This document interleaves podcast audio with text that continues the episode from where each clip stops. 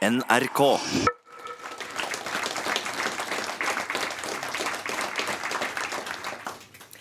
Da kan jeg ønske velkommen til Ja, hva er nå dette KK, Kverulantkatedralen i Stavanger? K for kverulant, K for katedral. Det blir KK. Vi har i dag siste debatt i en serie om pilletåke i norsk medisinbruk. Og i, i dag så snakker vi om pilletåke i norsk eldreomsorg. Kjemi går den foran empati? Og de som vi har med her Ja, det er faktisk en gjest fra Danmark som skal eh, fortelle om hvordan dere gjør det på Dagmars Minde. Det er et eh, sykehjem for demente. Mai Bjerre Eiby, hva gjør dere når det gjelder å gi de eh, pasientene medisin? Jamen, vi øh, erstatter medisinen med omsorg. Det hørtes Kort sagt. veldig enkelt ut. Gjør dere det? Ja, det gjør vi. Det gør vi. Vi, vi erstatter simpelthen medisinen med, med omsorg. Det er en omsorgsbehandling, Jo, men de er jo deprimerte, de har vondt i hjertet, de er fare for det ene og det andre, fordi de er eldre mennesker som kan få mange fryktelige sykdommer. Ja, altså at de kommer også, de kommer også inn til oss som, som vrag, kan man nesten si. De, de kommer og har det meget, meget dårligt, når de kommer, mange av dem. Øhm, og øh, det er primært fordi de er medisineret, egentlig. Så når vi fjerner medisinen, så, så får de det bedre. De, så, så dere Nei, du mener ikke å si at dere tar bort antidepressiva, antipsykotika, beroligende og sovemedisin? Jo, jo det, er, det er det, vi fjerner. Det er, det, det, vi fjerner det hele. Fjerne det hele. Ja, men hallo, dere har elleve. OK? Det var det mange i salen som likte. Dere har elleve pasienter. Og ja, det er kanskje derfor det er kontrollerbart, fordi det er så få. Ja, altså det er jo rigtigt. Det er jo, det er jo et lille sted, ikke? Altså, og, og vi har også kun, vi har kun været der i lidt over to år, så, så det er jo ikke øh, forskningsbaseret, selvom vi har en Ph.D. op hos os, men hun kigger ikke på medicin, hun kigger også på omsorg. så vi interesserer os egentlig kun for omsorg. Øh. Men, men, men hvis man skulle interessere sig for det her med medicinen, så kunne man jo kigge over det over en længere periode, men man kan jo sige, procent, procentvis er, det, er det jo det samme, som hvis man tog et større plejehjem. Altså vi er nede på øh, fire præparater øh, per beboer i gennemsnit per dag. Øh, hvilket er, er visstnok litt under halvdelen av, av hva der er normalt, tror jeg, rundt omkring. Og det er øh, ikke øh, det er ikke psykofarmaka. Det bruker vi ikke. Pernille Brusgaard, du er sykehjemsoverlege ved Bekkelagshjemmet, et sykehjem i Oslo. Og du f- har funnet på noe lignende. Kutte ned på pas medisiner til sykehjemspasienter.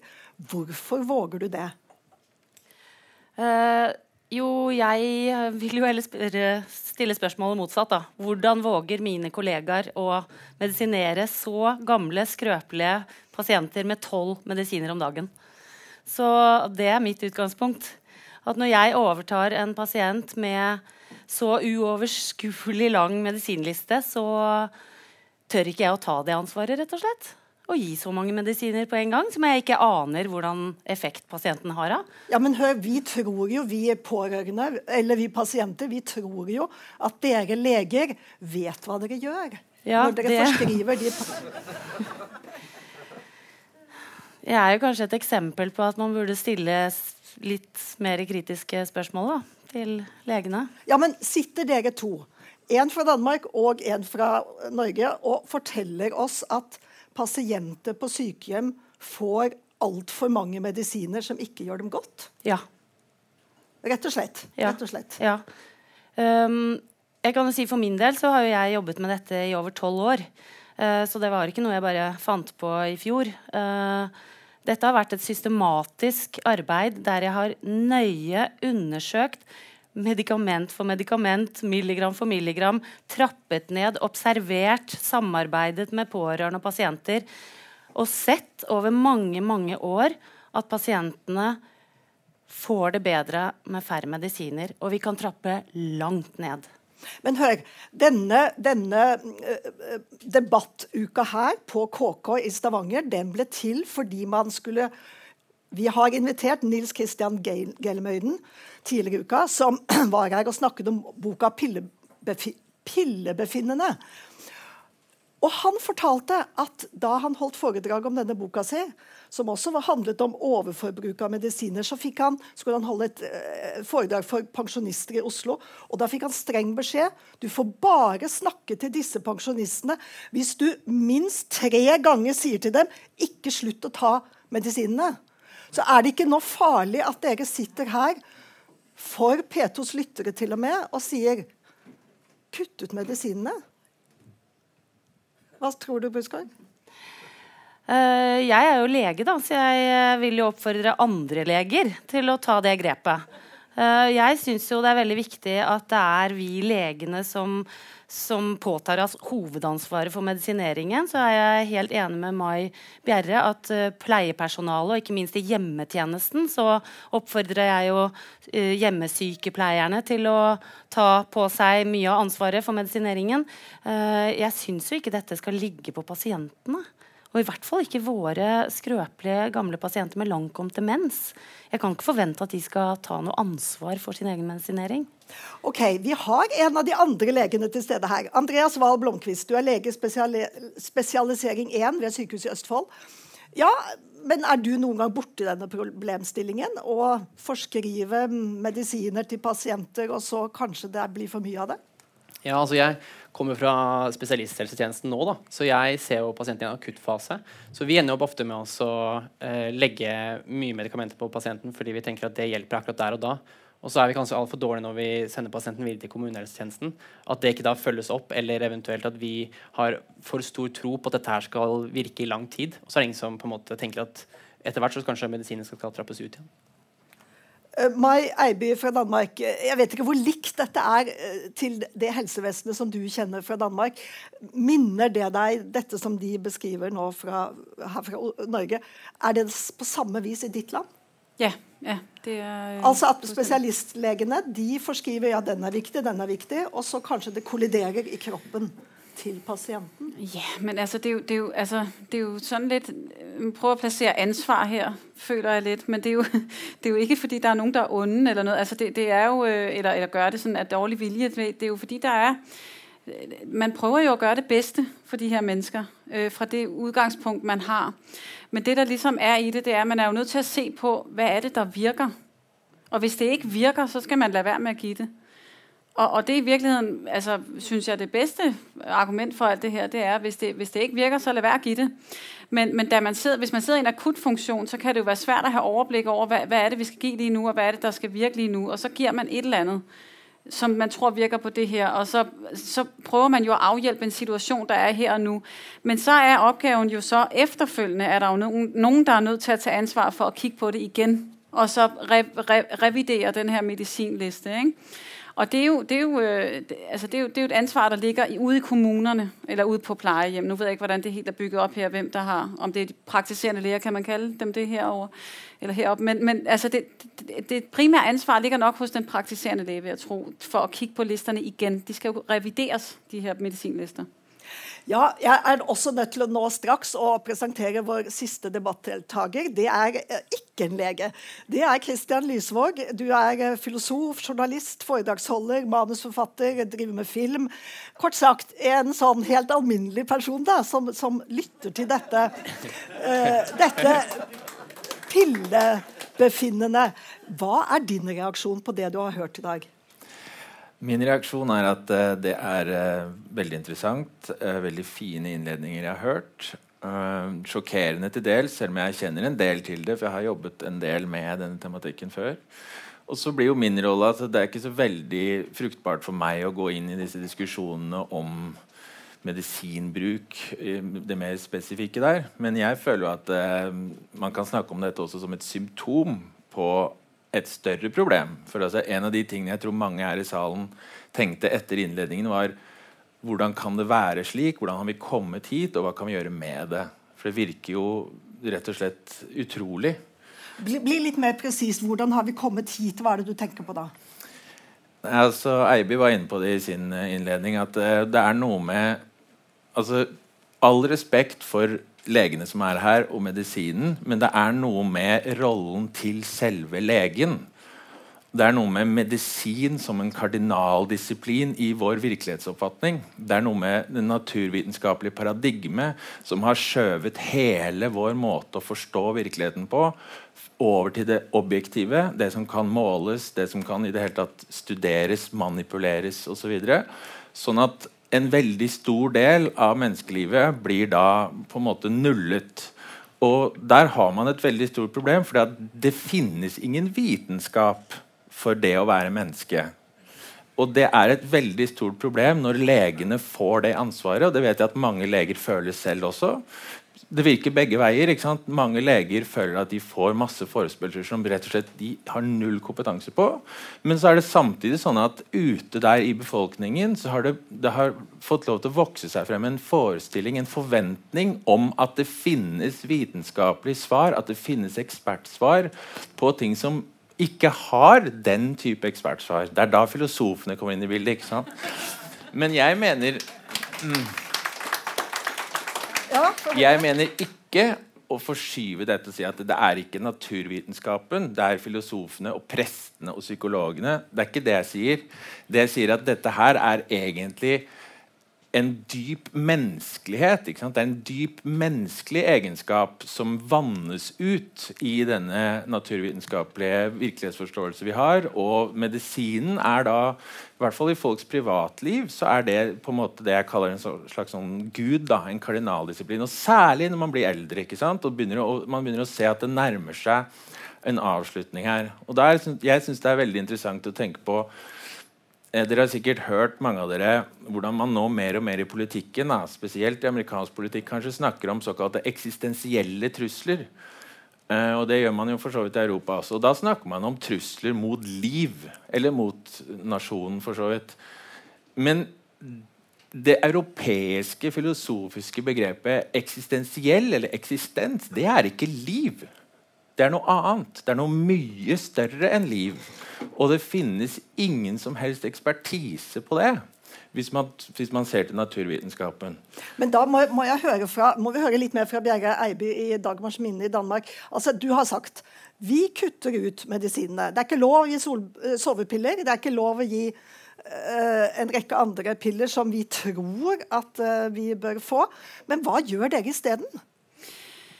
Vi, vi, vi, øh, det, det, største middel det er faktisk at vi bruker vores skønn.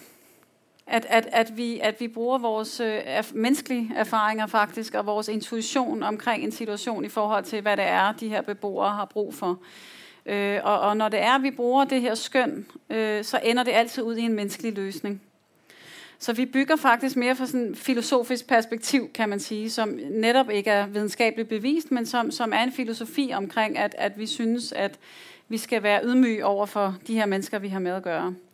Og, og jeg vil bare lige følge lidt op på det her, fordi det har jo også noget at gøre med, at, at, at den her øh, verden er jo nemlig for patienter en verden, hvor man øh, har en kæmpe autoritetstro i forhold til læge, lægerne, Øh, og, og jeg tror egentlig også, øh, at vi skal være litt oppmerksom på, når vi arbeider i denne verden, at huske på den autoritetstro, og huske på den autoritet man også har som sundhedsperson. Altså Nu er jeg jo sykeplejerske, og det er også noen ganger litt det samme. Men vi er nødt til å være litt mer ydmyge overfor, at vi har med et menneske å gjøre, som er avhengig av oss.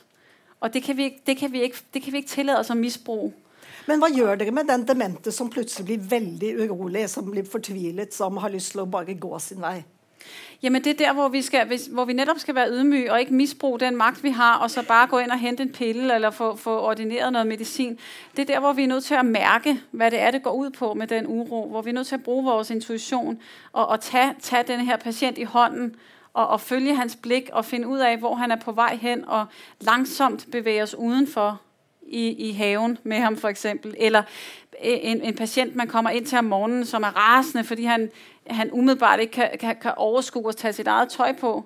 At man, at man sætter seg ned under ham og kigger opp på ham, i stedet for å stå og kikke ned på ham. Og det er noen bitte, bitte, bitte små detaljer, som, som, som er så langt fra den medicinske verden, og som overhovedet ikke kan bevises. Og det kommer det aldri til. Det er jeg helt enig i.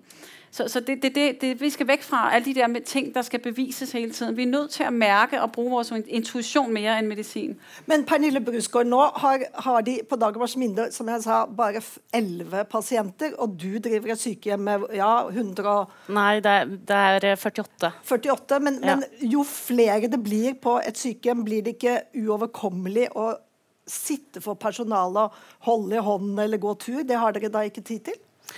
Ehm, s- altså vi ser jo det at eh, når vi reduserer medisinbruken så betydelig som vi gjør, så frigjøres det enorme mengder ressurser. Utrolig mye tid fra pleierne flyttes da fra medisinhåndtering til å være nysgjerrige og til stede og nærværende sammen med pasientene. Og ikke minst fokuset fra eh, at når det oppstår et problem, så tenker man umiddelbart løpe til medisinskapet og finne en pille. Eller man tenker og bruker seg selv, bruker sin nysgjerrighet, setter seg ned, undrer seg, er til stede hos pasienten. Altså, det tar ikke nødvendigvis så mye lengre tid det enn å løpe til medisinskapet, finne piller som skal signeres, doseres osv. osv. Um, vi opplever ikke at eh, Eller vi, vi ikke, der jeg jobber, har ikke vi noen flere ressurser. Vi har ikke noen flere bemanning, høyere bemanning enn andre sykehjem. Vi uh, opererer under helt de samme økonomiske forholdene. Uh, men altså man ser det jo som sagt bare på sykefraværet, som har gått ned fra 15 til 6% med denne medisinske filosofiske tilnærmingen, hvor personalet får lov til å bruke seg selv, være sammen med pasientene. Det oppleves utrolig meningsfullt og riktig. Altså jeg opplever som lege at dette faller veldig godt på plass i, i personalgruppa. Det er veldig mange som har stor glede av å få lov til å bruke seg selv og være kreativ og være sammen med pasientene. Og ikke sitte inne og dosere piller på et uh, medisinrom. Men, men uh, Val Blomkvist, du må hjelpe meg litt med å, å, å forstå hvor er egentlig hovedproblemet. Altså Her satt uh, Lysvåg og sa at det er noe med vår innstilling til uh, naturvitenskap. Uh, disse, sier, uh, disse damene i dag sier at uh, nei, vi overmedisinerer, vi må kutte ned på pillene. Du som spesialistlege, ja, er det dere som er problemet, eller er det et system vi alle er fanget av, som ikke kommer ut av?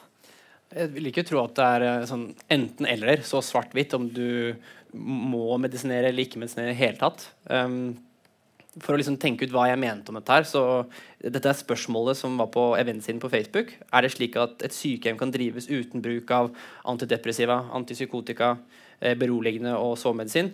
Så tenkte jeg at ja, på en måte så kan vi vel det, men er det et mål i seg selv? Eh, er målet med sykehjem at beboerne ikke får noen legemidler? Eh, jeg tror ikke det. Målet må være best mulig livskvalitet blant de som bor der. Og legemidler må ses på som ett av mange mulige verktøy å oppnå dette på. Problemet er at dette verktøyet i stor grad blir misbrukt. Eh, piller blir for enkelt. Piller blir som en hammer. Så hvis du har en hammer, så begynner plutselig pasientens problemer å se veldig ut som spikere. da, kan man jo si. Brusgaard.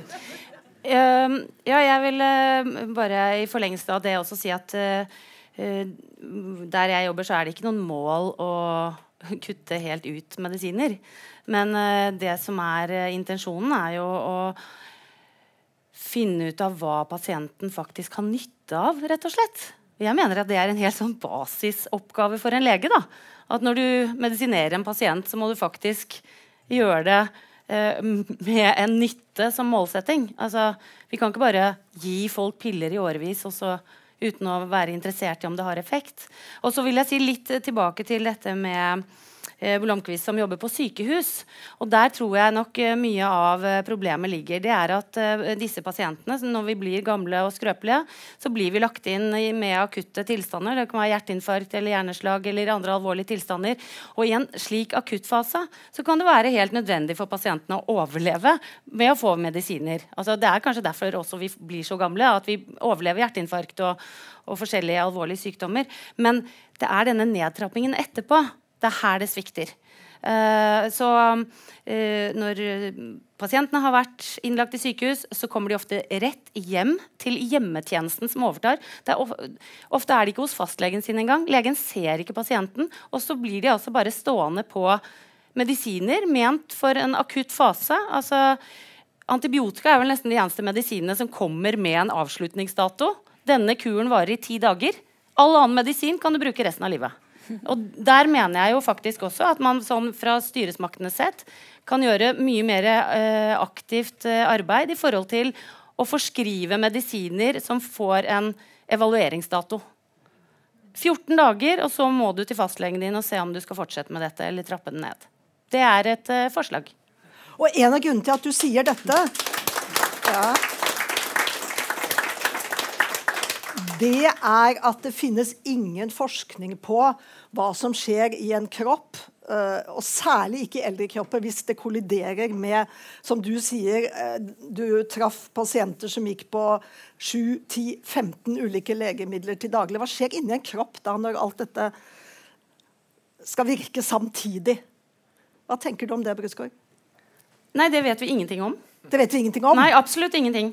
Ja, Kan det, være skadelig? Ikke, ja, det finnes ikke et eneste forskningsprosjekt som har utprøvd tolv legemidler på en 90-åring med demens. Og, og, jeg kan bare oppfordre alle lyttere i hele Norges land ja, til å sende meg den forskningsartikkelen hvis noen kjenner til den. Ja, altså Hvis det, våre P2-lyttere lurer på hva de nå har havnet inn i, så er det altså en debatt om uh, pilletåke i norsk eldreomsorg. Kjemi foran empati. Og vi er på KK Kverulantkatedralen. Og jeg glemte å si hvem jeg selv er. Kristin Aalen heter jeg og forsøker å lede dette. Eh, Lysgård, Lysvåg, unnskyld. Du var oppe med hånda her. Hva, hva tenker du når du hører uh, de andre? Det jeg tenker er at uh, får å prøve å lage litt debatt og uenighet her. Ja, Så det er jo sånn at uh, alle er enige om at livskvalitet er det som er målet. Og så er det veien dit, da. Hvilke vurderinger man legger til grunn. Men jeg tror kanskje det kunne vært interessant å gå løs på selve det begrepet livskvalitet. Fordi det er kanskje et punkt der jeg muligens skiller meg litt fra dere. Fordi livskvalitet defineres jo i veldig stor grad da når man snakker om eldre, da særlig, så snakker man jo i veldig stor grad om verdighet og verd, menneskeverd. Og i veldig stor grad så er dette definert ut fra den slags voksenverden som vi tilhører. Og så sier jeg, I hvilken grad er dette gamle mennesket fremdeles deltakende i dette samfunnet? I hvilken grad har det kognitive eller fysiske krefter til å være deltakende? Og så, videre, og så, videre. så det, det, blir liksom at det å være gammel er en dårlig versjon av det å være ung eller voksen. Og menneske, nei, altså livskvalitet det handler da om en eller annen slags kombinasjon av å ikke ha for mye fysiske plager og være så klar i toppen som mulig men alt dette er jo egentlig handler liksom om at det, vi vurderer det fra et ståsted. ikke sant? Og jeg tror at det, det er feil. Man skal ikke vurdere livskvalitet og verdighet hos en 90-åring på grunnlag av hvordan det mennesket var som 50-åring f.eks.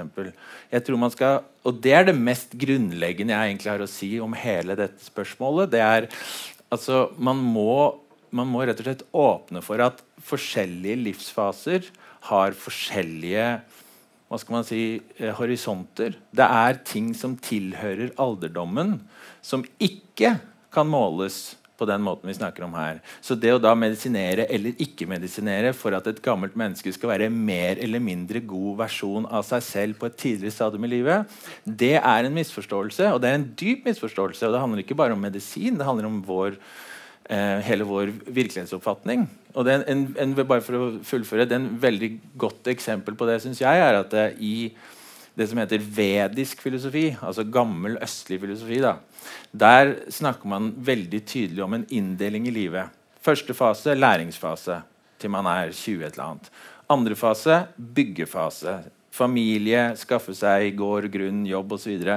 Tredje fase det er den da refleksjonsfasen. Det er det de da i den sammenheng kaller den, den åndelige, filosofiske fasen. Men det viktigste av alt det er at i den kulturen så er det den beste fasen. Man sparer det beste til slutt. Det er ikke tid til å tenke når man skal bygge familie eller, eller ha karrierer. Men, men det er det beste. Det er det som kommer til sist. Mens vi snur det opp ned. Klarer bestefar å følge med på nyhetene? Klarer han kryssordet? Ikke sant? Og så vurderer vi livskvalitet. Bjerre Eiby, dette må jo du Dette må du si. Kjenner du dette igjen, eller er ja, de pasientene dere har hvilken livskvalitet vil du si at dere klarer å gi dem? Øh, jamen, altså, jeg ved ikke, om det kun er sproget her, men jeg sidder og bliver lidt forvirret. Kom igjen. Jamen, jeg bliver simpelthen så forvirret over, at man taler så meget om forskning og faser og teorier og alt muligt. Altså, jeg synes faktisk, altså, jeg synes faktisk, den måde at anskue det på, på en eller anden måde, er et overgreb i sig selv på de her mennesker. Hvorfor? Hvorfor det? Jamen fordi jeg synes, jeg synes, det, jeg synes det er at give øh, i øvrigt læge, lægevidenskaben æren for det hele, hvis vi begynder at tale om, at, at, at netop det her med, at det er et mål i sig selv, de skal, de skal have medicin, øh, eller ikke skal have medicin. Altså det er et underligt spørgsmål at stille. Jeg, jeg synes jo netop, at, at målet i sig selv er bare at, at, at være, altså, altså være til, og være til sammen med de her mennesker jeg, jeg er så træt af, at man altid taler om forskning og, og videnskab og faser øh, det ene og det andet sted. Og, og, altså, I stedet for, altså faktisk så, for at give det et helt konkret eksempel, på Dagmars Minde har vi vært nødt til å ansette en Ph.D. i tre år for å bevise, at det vi laver er godt. Så dere må forske altså, det, er jo, det, er jo, det er jo i virkeligheten fuldstændig vanvittig at vi ikke bare kan få lov å passe vores arbeid og lave omsorg for de her beboere, men vi absolut skal ansette en Ph.D. Altså, det er jo der, vi er. Vi er jo der, hvor vi kun kan bevise de her ting, hvis vi kan fortelle et eller annet med en statistikk eller en forskning eller sådan noget. Og jeg vil gerne fortelle om, hva vi laver. Men, men, men det kan ikke nytte noget, at, at vi hele tiden skal, skal tale ut fra en, en versjon av hva der, har, hva der står et sted, og hvad der står et annet sted. Vi er, nød, vi er nødt til å dele vores erfaringer på en anden måde med det her. Det er det, der er min pointe. Det er ikke, fordi jeg ikke går inn for viden. Vi er bare nødt til å dele den viden på en litt anden måde, tror jeg. Brysgård. Uh, jo jeg, kjente meg jo litt igjen i dette du snakker om, eh, hvordan vi vurderer livskvalitet og sånne ting. Uh, jeg tenkte jeg ville si at uh, det vi kontrolleres på i sykehjem, det er jo alt som kan telles og måles og veies. Vi bruker usannsynlig mye tid på å veie alle pasientene en gang i måneden. Vi setter på dem dimedutser på fingeren for å se hvordan de puster. Altså, eh, vi måler blodtrykk og teller eh, hva de spiser, og holder på med alt som kan telles og måles og veies. Uh, det mener jeg er helt feil fokus. For du får ikke noe inntrykk av livskvalitet, hvordan pasienten har det ved å telle og måle veier hele tiden. Og det settes i skjemaer, og man reflekterer ikke engang over om pasienten har gått opp eller ned i vekt, bare det er gjort. Check, check, check. Blodtrykk, blodtrykk, blodtrykk. blodtrykk. Og så, eh, så løper man videre. Sånn at alt dette, Og da alle de medisinene som hører med. da, fordi at Du har jo fått en haug med blodprøver, og de er jo utenfor normalområdet. og Da må du ha tilskudd av jern og magnesium og kalsium og D-vitaminer. og alt sånt. Så, så, alt dette mener jeg bare det, det rett og slett maskerer hele meningen med et sykehjem. liksom. Altså, Hvorfor er vi der? Hvorfor er pasientene der? Hva er det de trenger? De trenger ikke at vi holder på på den måten. De trenger nærvær. De trenger ja, hvordan vi skal måle livskvaliteten deres, det er kjempevanskelig. Vi har utrolig mye etiske refleksjoner der jeg jobber. Vi jobber veldig mye med hva forskjellige situasjoner og, ad, hva type atferd hva, hva, det gjør med oss. Hvordan vi skal forstå det, hvordan vi skal tolke det. At vi må, vi må romme pasienter, vi må være nysgjerrige, vi må gå inn i situasjoner. Det hjelper ikke å veie dem. Val, Val Blomkvist. Ja. ja godt med et begeistret publikum her. Eh, Blomkvist. Når du hører filosofen si at ah, dere er altfor naturvitenskapelige og opptatt av forskning, hva, hva syns du som spesialistlege da? Blir du litt irritert, eller? Ja, Nå er jo jeg ikke spesialistlege, jeg er turnuslege, eller legespesialisering igjen. Men uh, om jeg blir irritert på filosofen? Uh, nei, uh, det blir jeg ikke. Jeg syns det er flott at Jeg synes filosofer er veldig gode til å stille de rette spørsmålene. Men de, de er veldig uenige om hvor startstreken går. De pleier å diskutere hva er startstreken, og så Naturvitenskapen bygger jo på visse premisser, og så hopper man fram. Og så er man veldig opptatt av hva som er det målbare, og så jobber man videre på det. Jeg tror man må prøve å finne en balanse mellom de to. Eh, når det kommer til livskvalitet, jeg syns det eh, Istedenfor å drive og måle dem, eh, så syns jeg det heller skal hente fra individet selv. Eh, mye er hva pasienten selv opplever. Hva er egenvurderingen eh, til pasientens egen tilstand? Syns jeg rommer mye her eh, for hva som er eh, det vi skal sikte etter, også i sykehjem. men også Lysvåg. Ja. Ja, altså, Det ble nevnt her i, i, innledningene dette ordet selvtillit, og at dere har opplevd eh, at det er en nær sammenheng da, mellom selvtillit, følelsen av selvtillit og, og, kanskje det man kan vurdere som livskvalitet. Og Det vil jeg bare følge opp det jeg sa tidligere, at uh, dette her er jo ikke et problem som har å gjøre med medisin og sykehjem og gamle bare. Det er å gjøre med hva slags muligheter har vår, egentlig, vår kultur for å gi gamle mennesker selvtillit. Altså Det er nesten utelukkende bare slik at selvtilliten de eh, føler, den er basert på i hvilken grad de klarer å leve opp til den verden som oppleves som den gjeldende. Altså den, den som gjelder for de voksne, da, for å si det sånn. Så vi, altså Det jeg prøver å si, er vi er et fattig sted fordi vi ikke har en spesifikk kompetanse lenger. Før var det jo sånn. Men vi har ikke det lenger som tilhører de gamle som, som er deres grunnlag for selvtillit. Vi har ikke altså I alle tradisjoner så er det jo sånn at de gamle har en slags trone. Er, deres plass er der fordi de er gamle. Noe, nå er det sånn at verdens ledere, i hvert fall noen av dem, de er ganske gamle. Men det er ekstremt få. Nesten alle andre gamle vil oppleve at å, å, hevde seg på den måten er helt umulig. Men en tilsvarende posisjon i en familie eller et lokalsamfunn er nesten utenkelig. Så selvtillit det, det, altså, jeg, jeg, mener ikke å kverulere, selv om det er katedralen for det. Men selvtillit handler nok for meg i hvert fall, så handler ikke det om bare det at vi skal klare å, å gå, selv om jeg skjønner at på visse premisser, så er det nettopp utslagsgivende. Eller klare å, å gjøre, lese eller gjøre motoriske oppgaver. Det er noe med å gi den alderen en spesifikk rolle. Si at den kunnskapen dere har, den har dere fordi dere er gamle. Ikke på tross av at dere er gamle jeg tenker nå at vi har, vi har en dansk og vi har en norsk representant for en alternativ måte å tenke om medisinering på sykehjem. Hvor de, den danske sier ingen piller, den norske sier ja, ja, noen da. Eh, men mitt spørsmål er i Danmark er dere en oase som ingen bryr seg om? Er dere med i en stor diskusjon eller krangel? Får dere noen andre danske sykehjem, eh, kommuner, til å gjøre som dere? Dere er jo et privat sykehjem. Er det noen som vil høre på dere?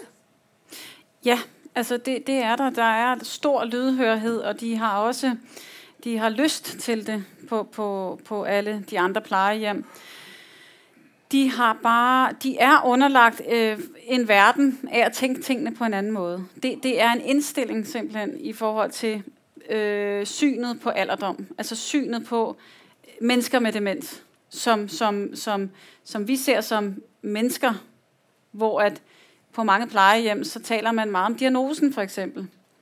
Og et eksempel på det her med å se dem som, som, øh, som helt det individuelle, og, og, hva de egentlig umiddelbart føler de har behov for, det er jo det her med overhodet ikke å se dem som noen der har demens, men se dem bare som mennesker.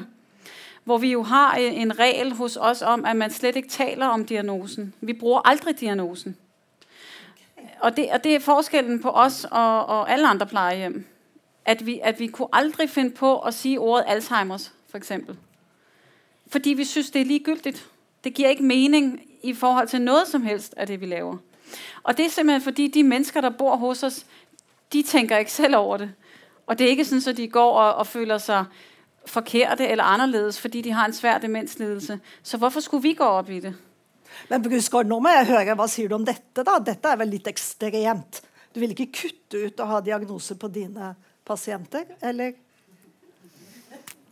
Ja, Pasientene kommer jo inn med mange diagnoser som vi velger å se bort fra også. ja. Så jeg kjenner meg, jo, du kjenner deg igjen? Kjenner meg godt igjen. Uh, jeg hadde litt lyst til å kommentere til um, Lysvåg i forhold til, til dette med livskvalitet. Jeg, jeg uh, opplever at det er helt i tråd med hvordan vi tenker. Jeg, fordi uh, det som er mitt budsk viktigste budskap her, er jo rett og slett at Eh, pasientene må få lov til å være mest mulig seg selv. Og da skal ikke vi overmedisinere dem til å, å, på en måte forhindres i det.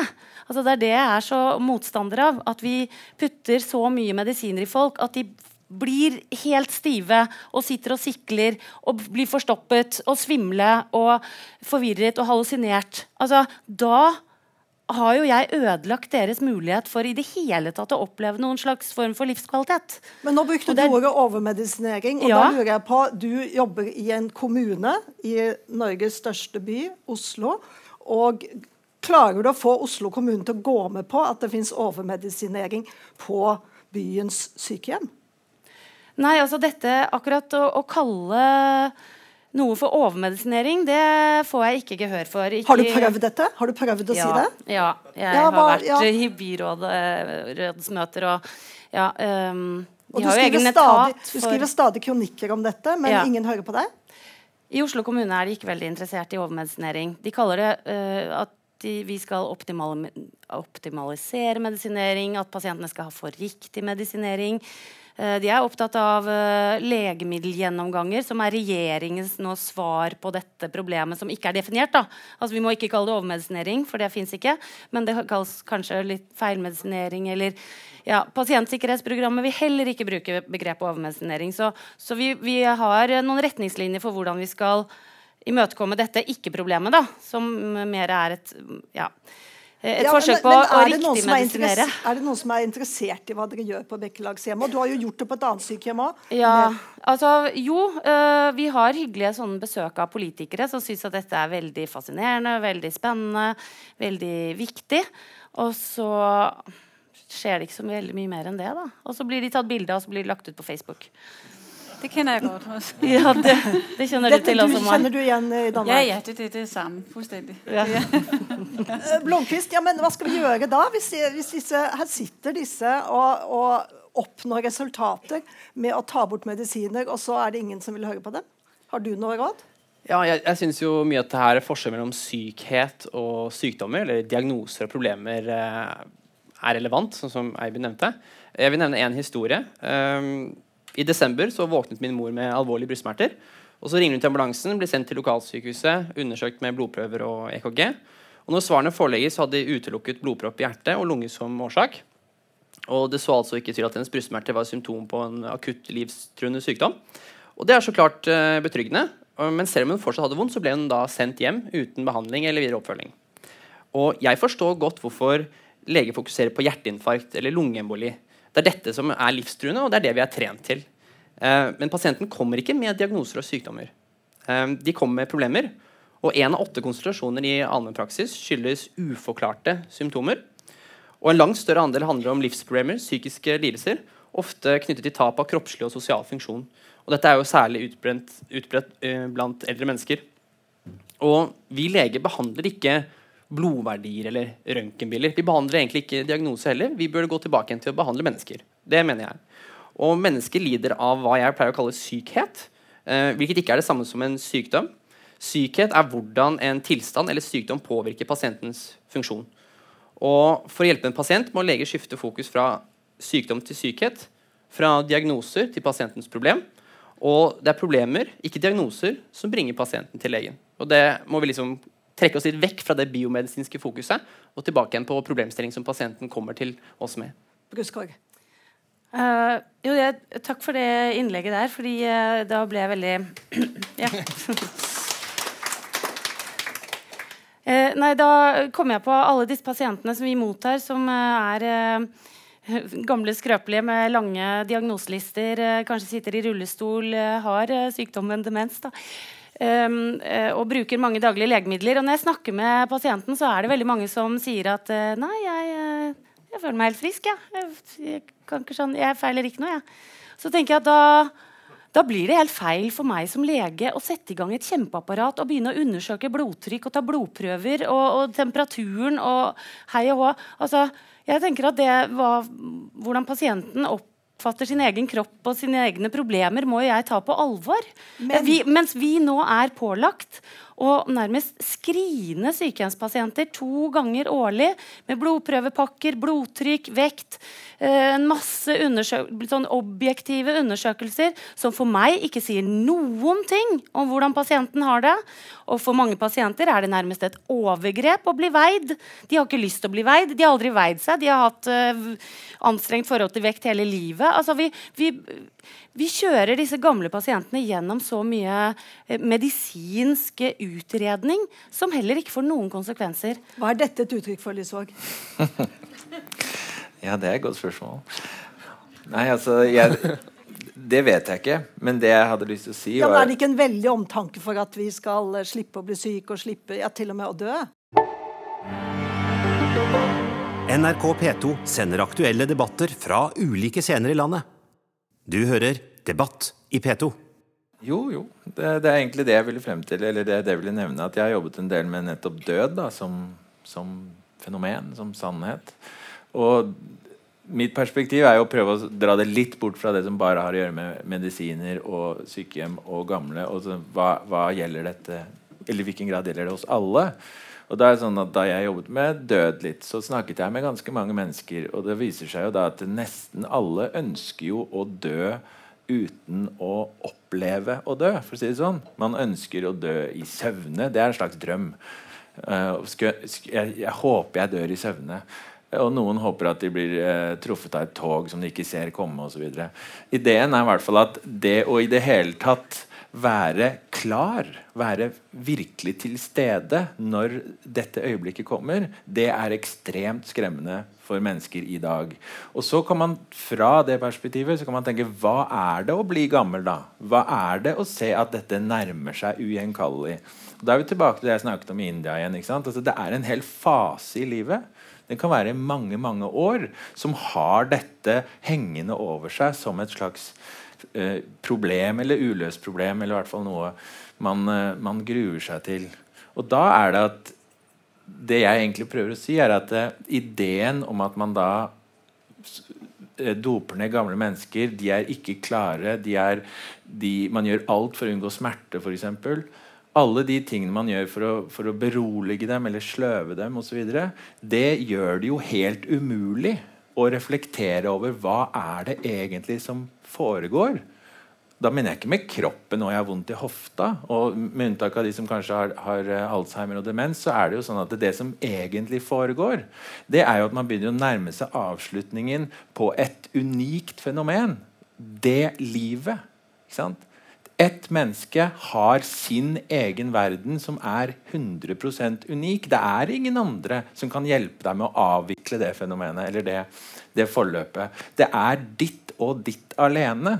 Og det å da ikke være klar, eller i hvert fall så klar man kan være i toppen når dette kommer nærmere og nærmere og nærmere Det er jo ikke rart at det kommer angst på banen bare av den grunn.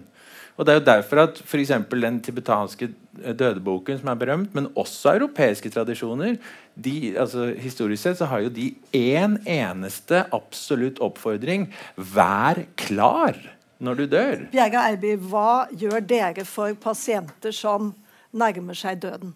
Hva, hvordan kan dere hjelpe dem til den gode død? Vi arbejder egentlig mest bare i nuet hele tiden med vores beboere. Så det er ikke sådan, så vi, vi, vi taler ikke med dem om døden. Det kunne vi aldrig finde på. Altså, det, det, er ikke, det, er ikke noget, det er ikke noget, som vi sådan fremprovokerer i dem, fordi hvor, hvorfor skulle de egentlig tale om døden? Det, det, det kan vi ikke rigtig se, de bliver positivt stemt af. Så, så, så vi, vi, jeg tror, vi tager det mere, som det kommer. Og, og hvis vi, vi, vi står faktisk i nogle situationer, hvor vi som personale ikke ved, hva vi skal gjøre ved de her beboere. De kan godt komme så langt ut i deres demens, så lige pludselig så kan, kan vi ikke finne ut av å håndtere det mer og hjelpe dem. Og de kan ikke længere uttrykke hva det er, de skal ha hjelp til, og uansett hva man gjør, så kan man ikke hjelpe dem. Og hvis du så medicinerer dem, så vil det heller ikke hjelpe dem. Altså fordi så, så vil det, det vil ikke virke alligevel. Altså vi har jo, vi har prøvet episoder, hvor vi har medicineret i et terminalforløb for eksempel, hvor man ikke bare kan medicinere med en, en uh, almindelig altså dosis. Altså der taler vi højdosis beroligende medicin, før det virker.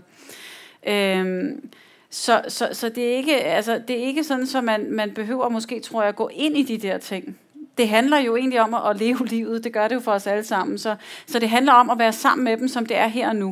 Når, så op, når der så oppstår en kompliceret situation, og man sier ok, vi kan ikke hjelpe deg mer, Der er noe der tyder på, at du ikke vil være her i livet mer.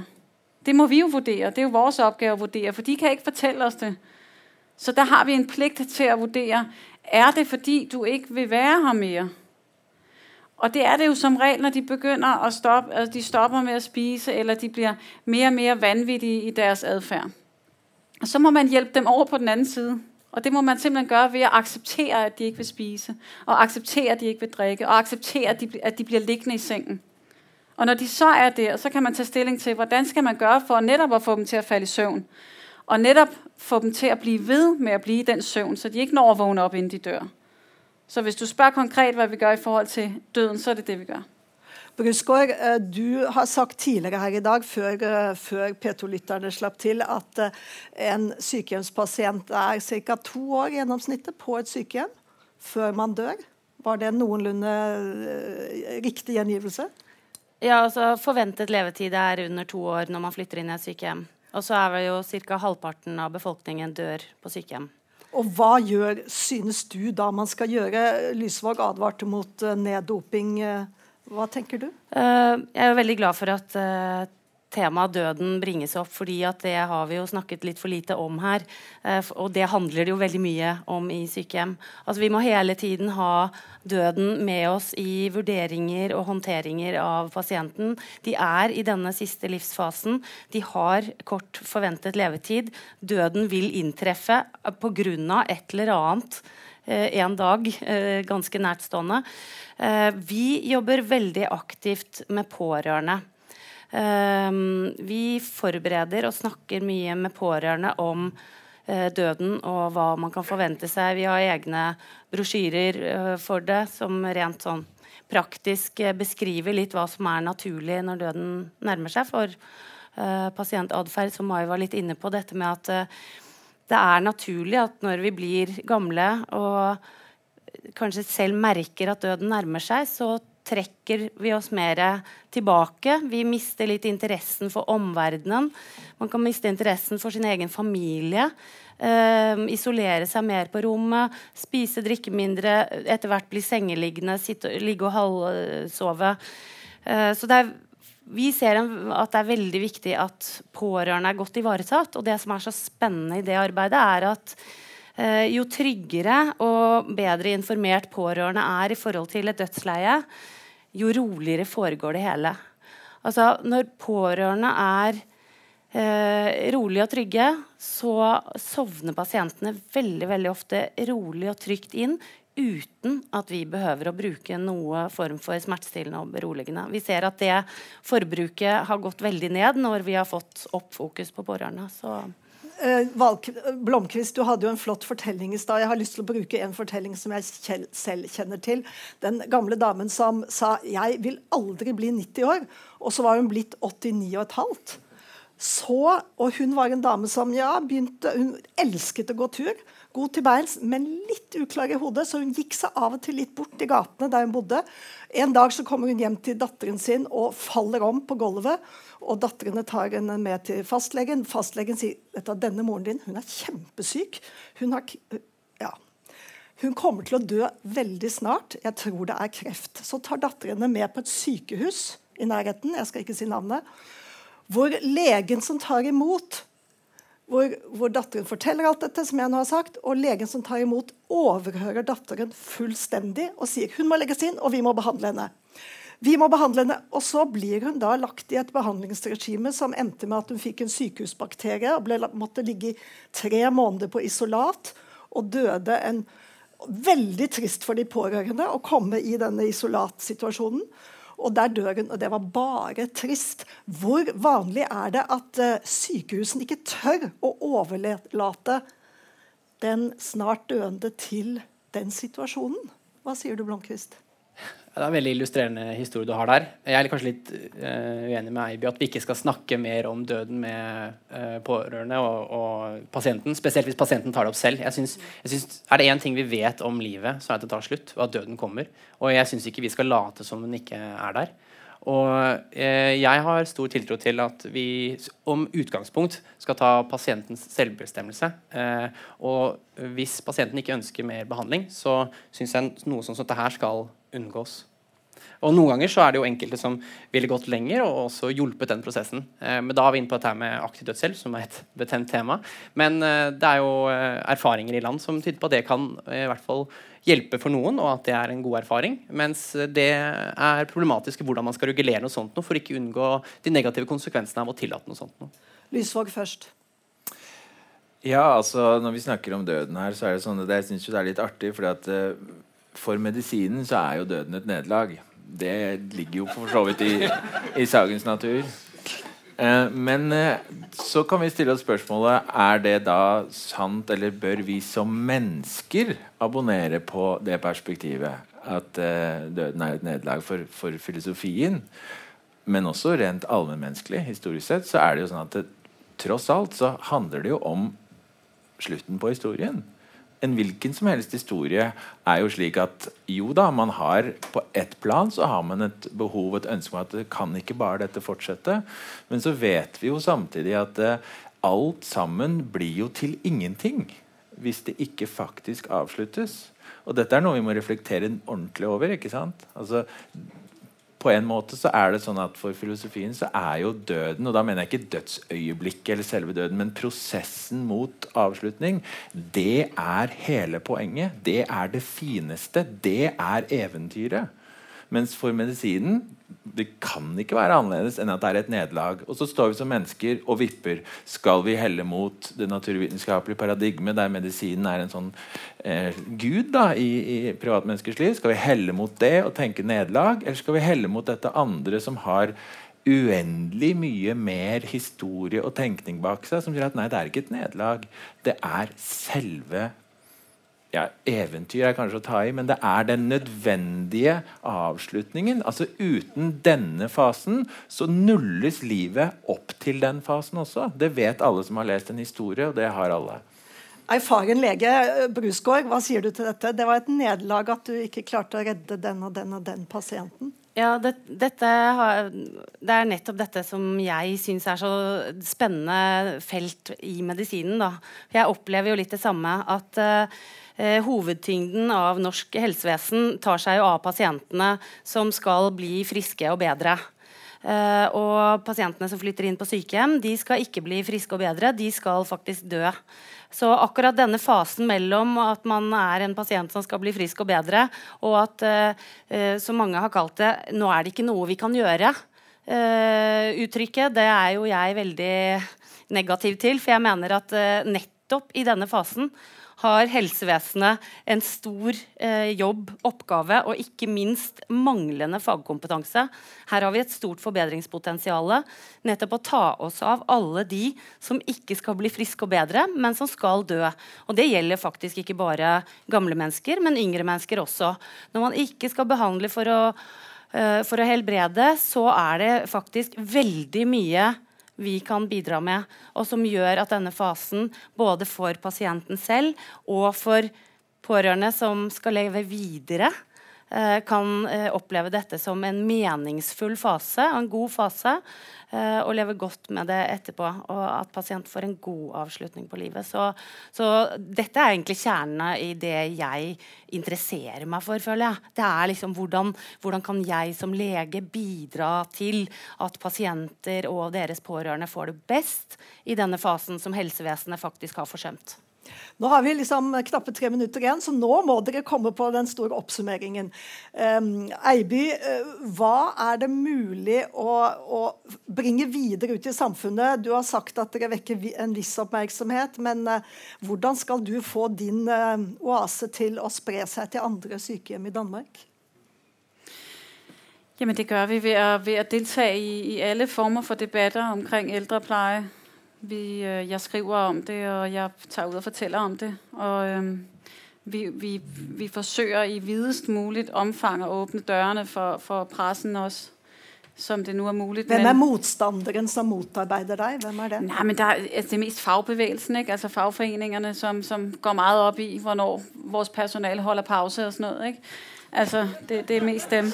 Fordi altså, i virkeligheten så handler det jo ikke for dem om hvorvidt vores, vores øh, patienter i sundhedsvæsenet har det godt. vel? Og det er jo det, der er problemet, kan man sige. Ikke?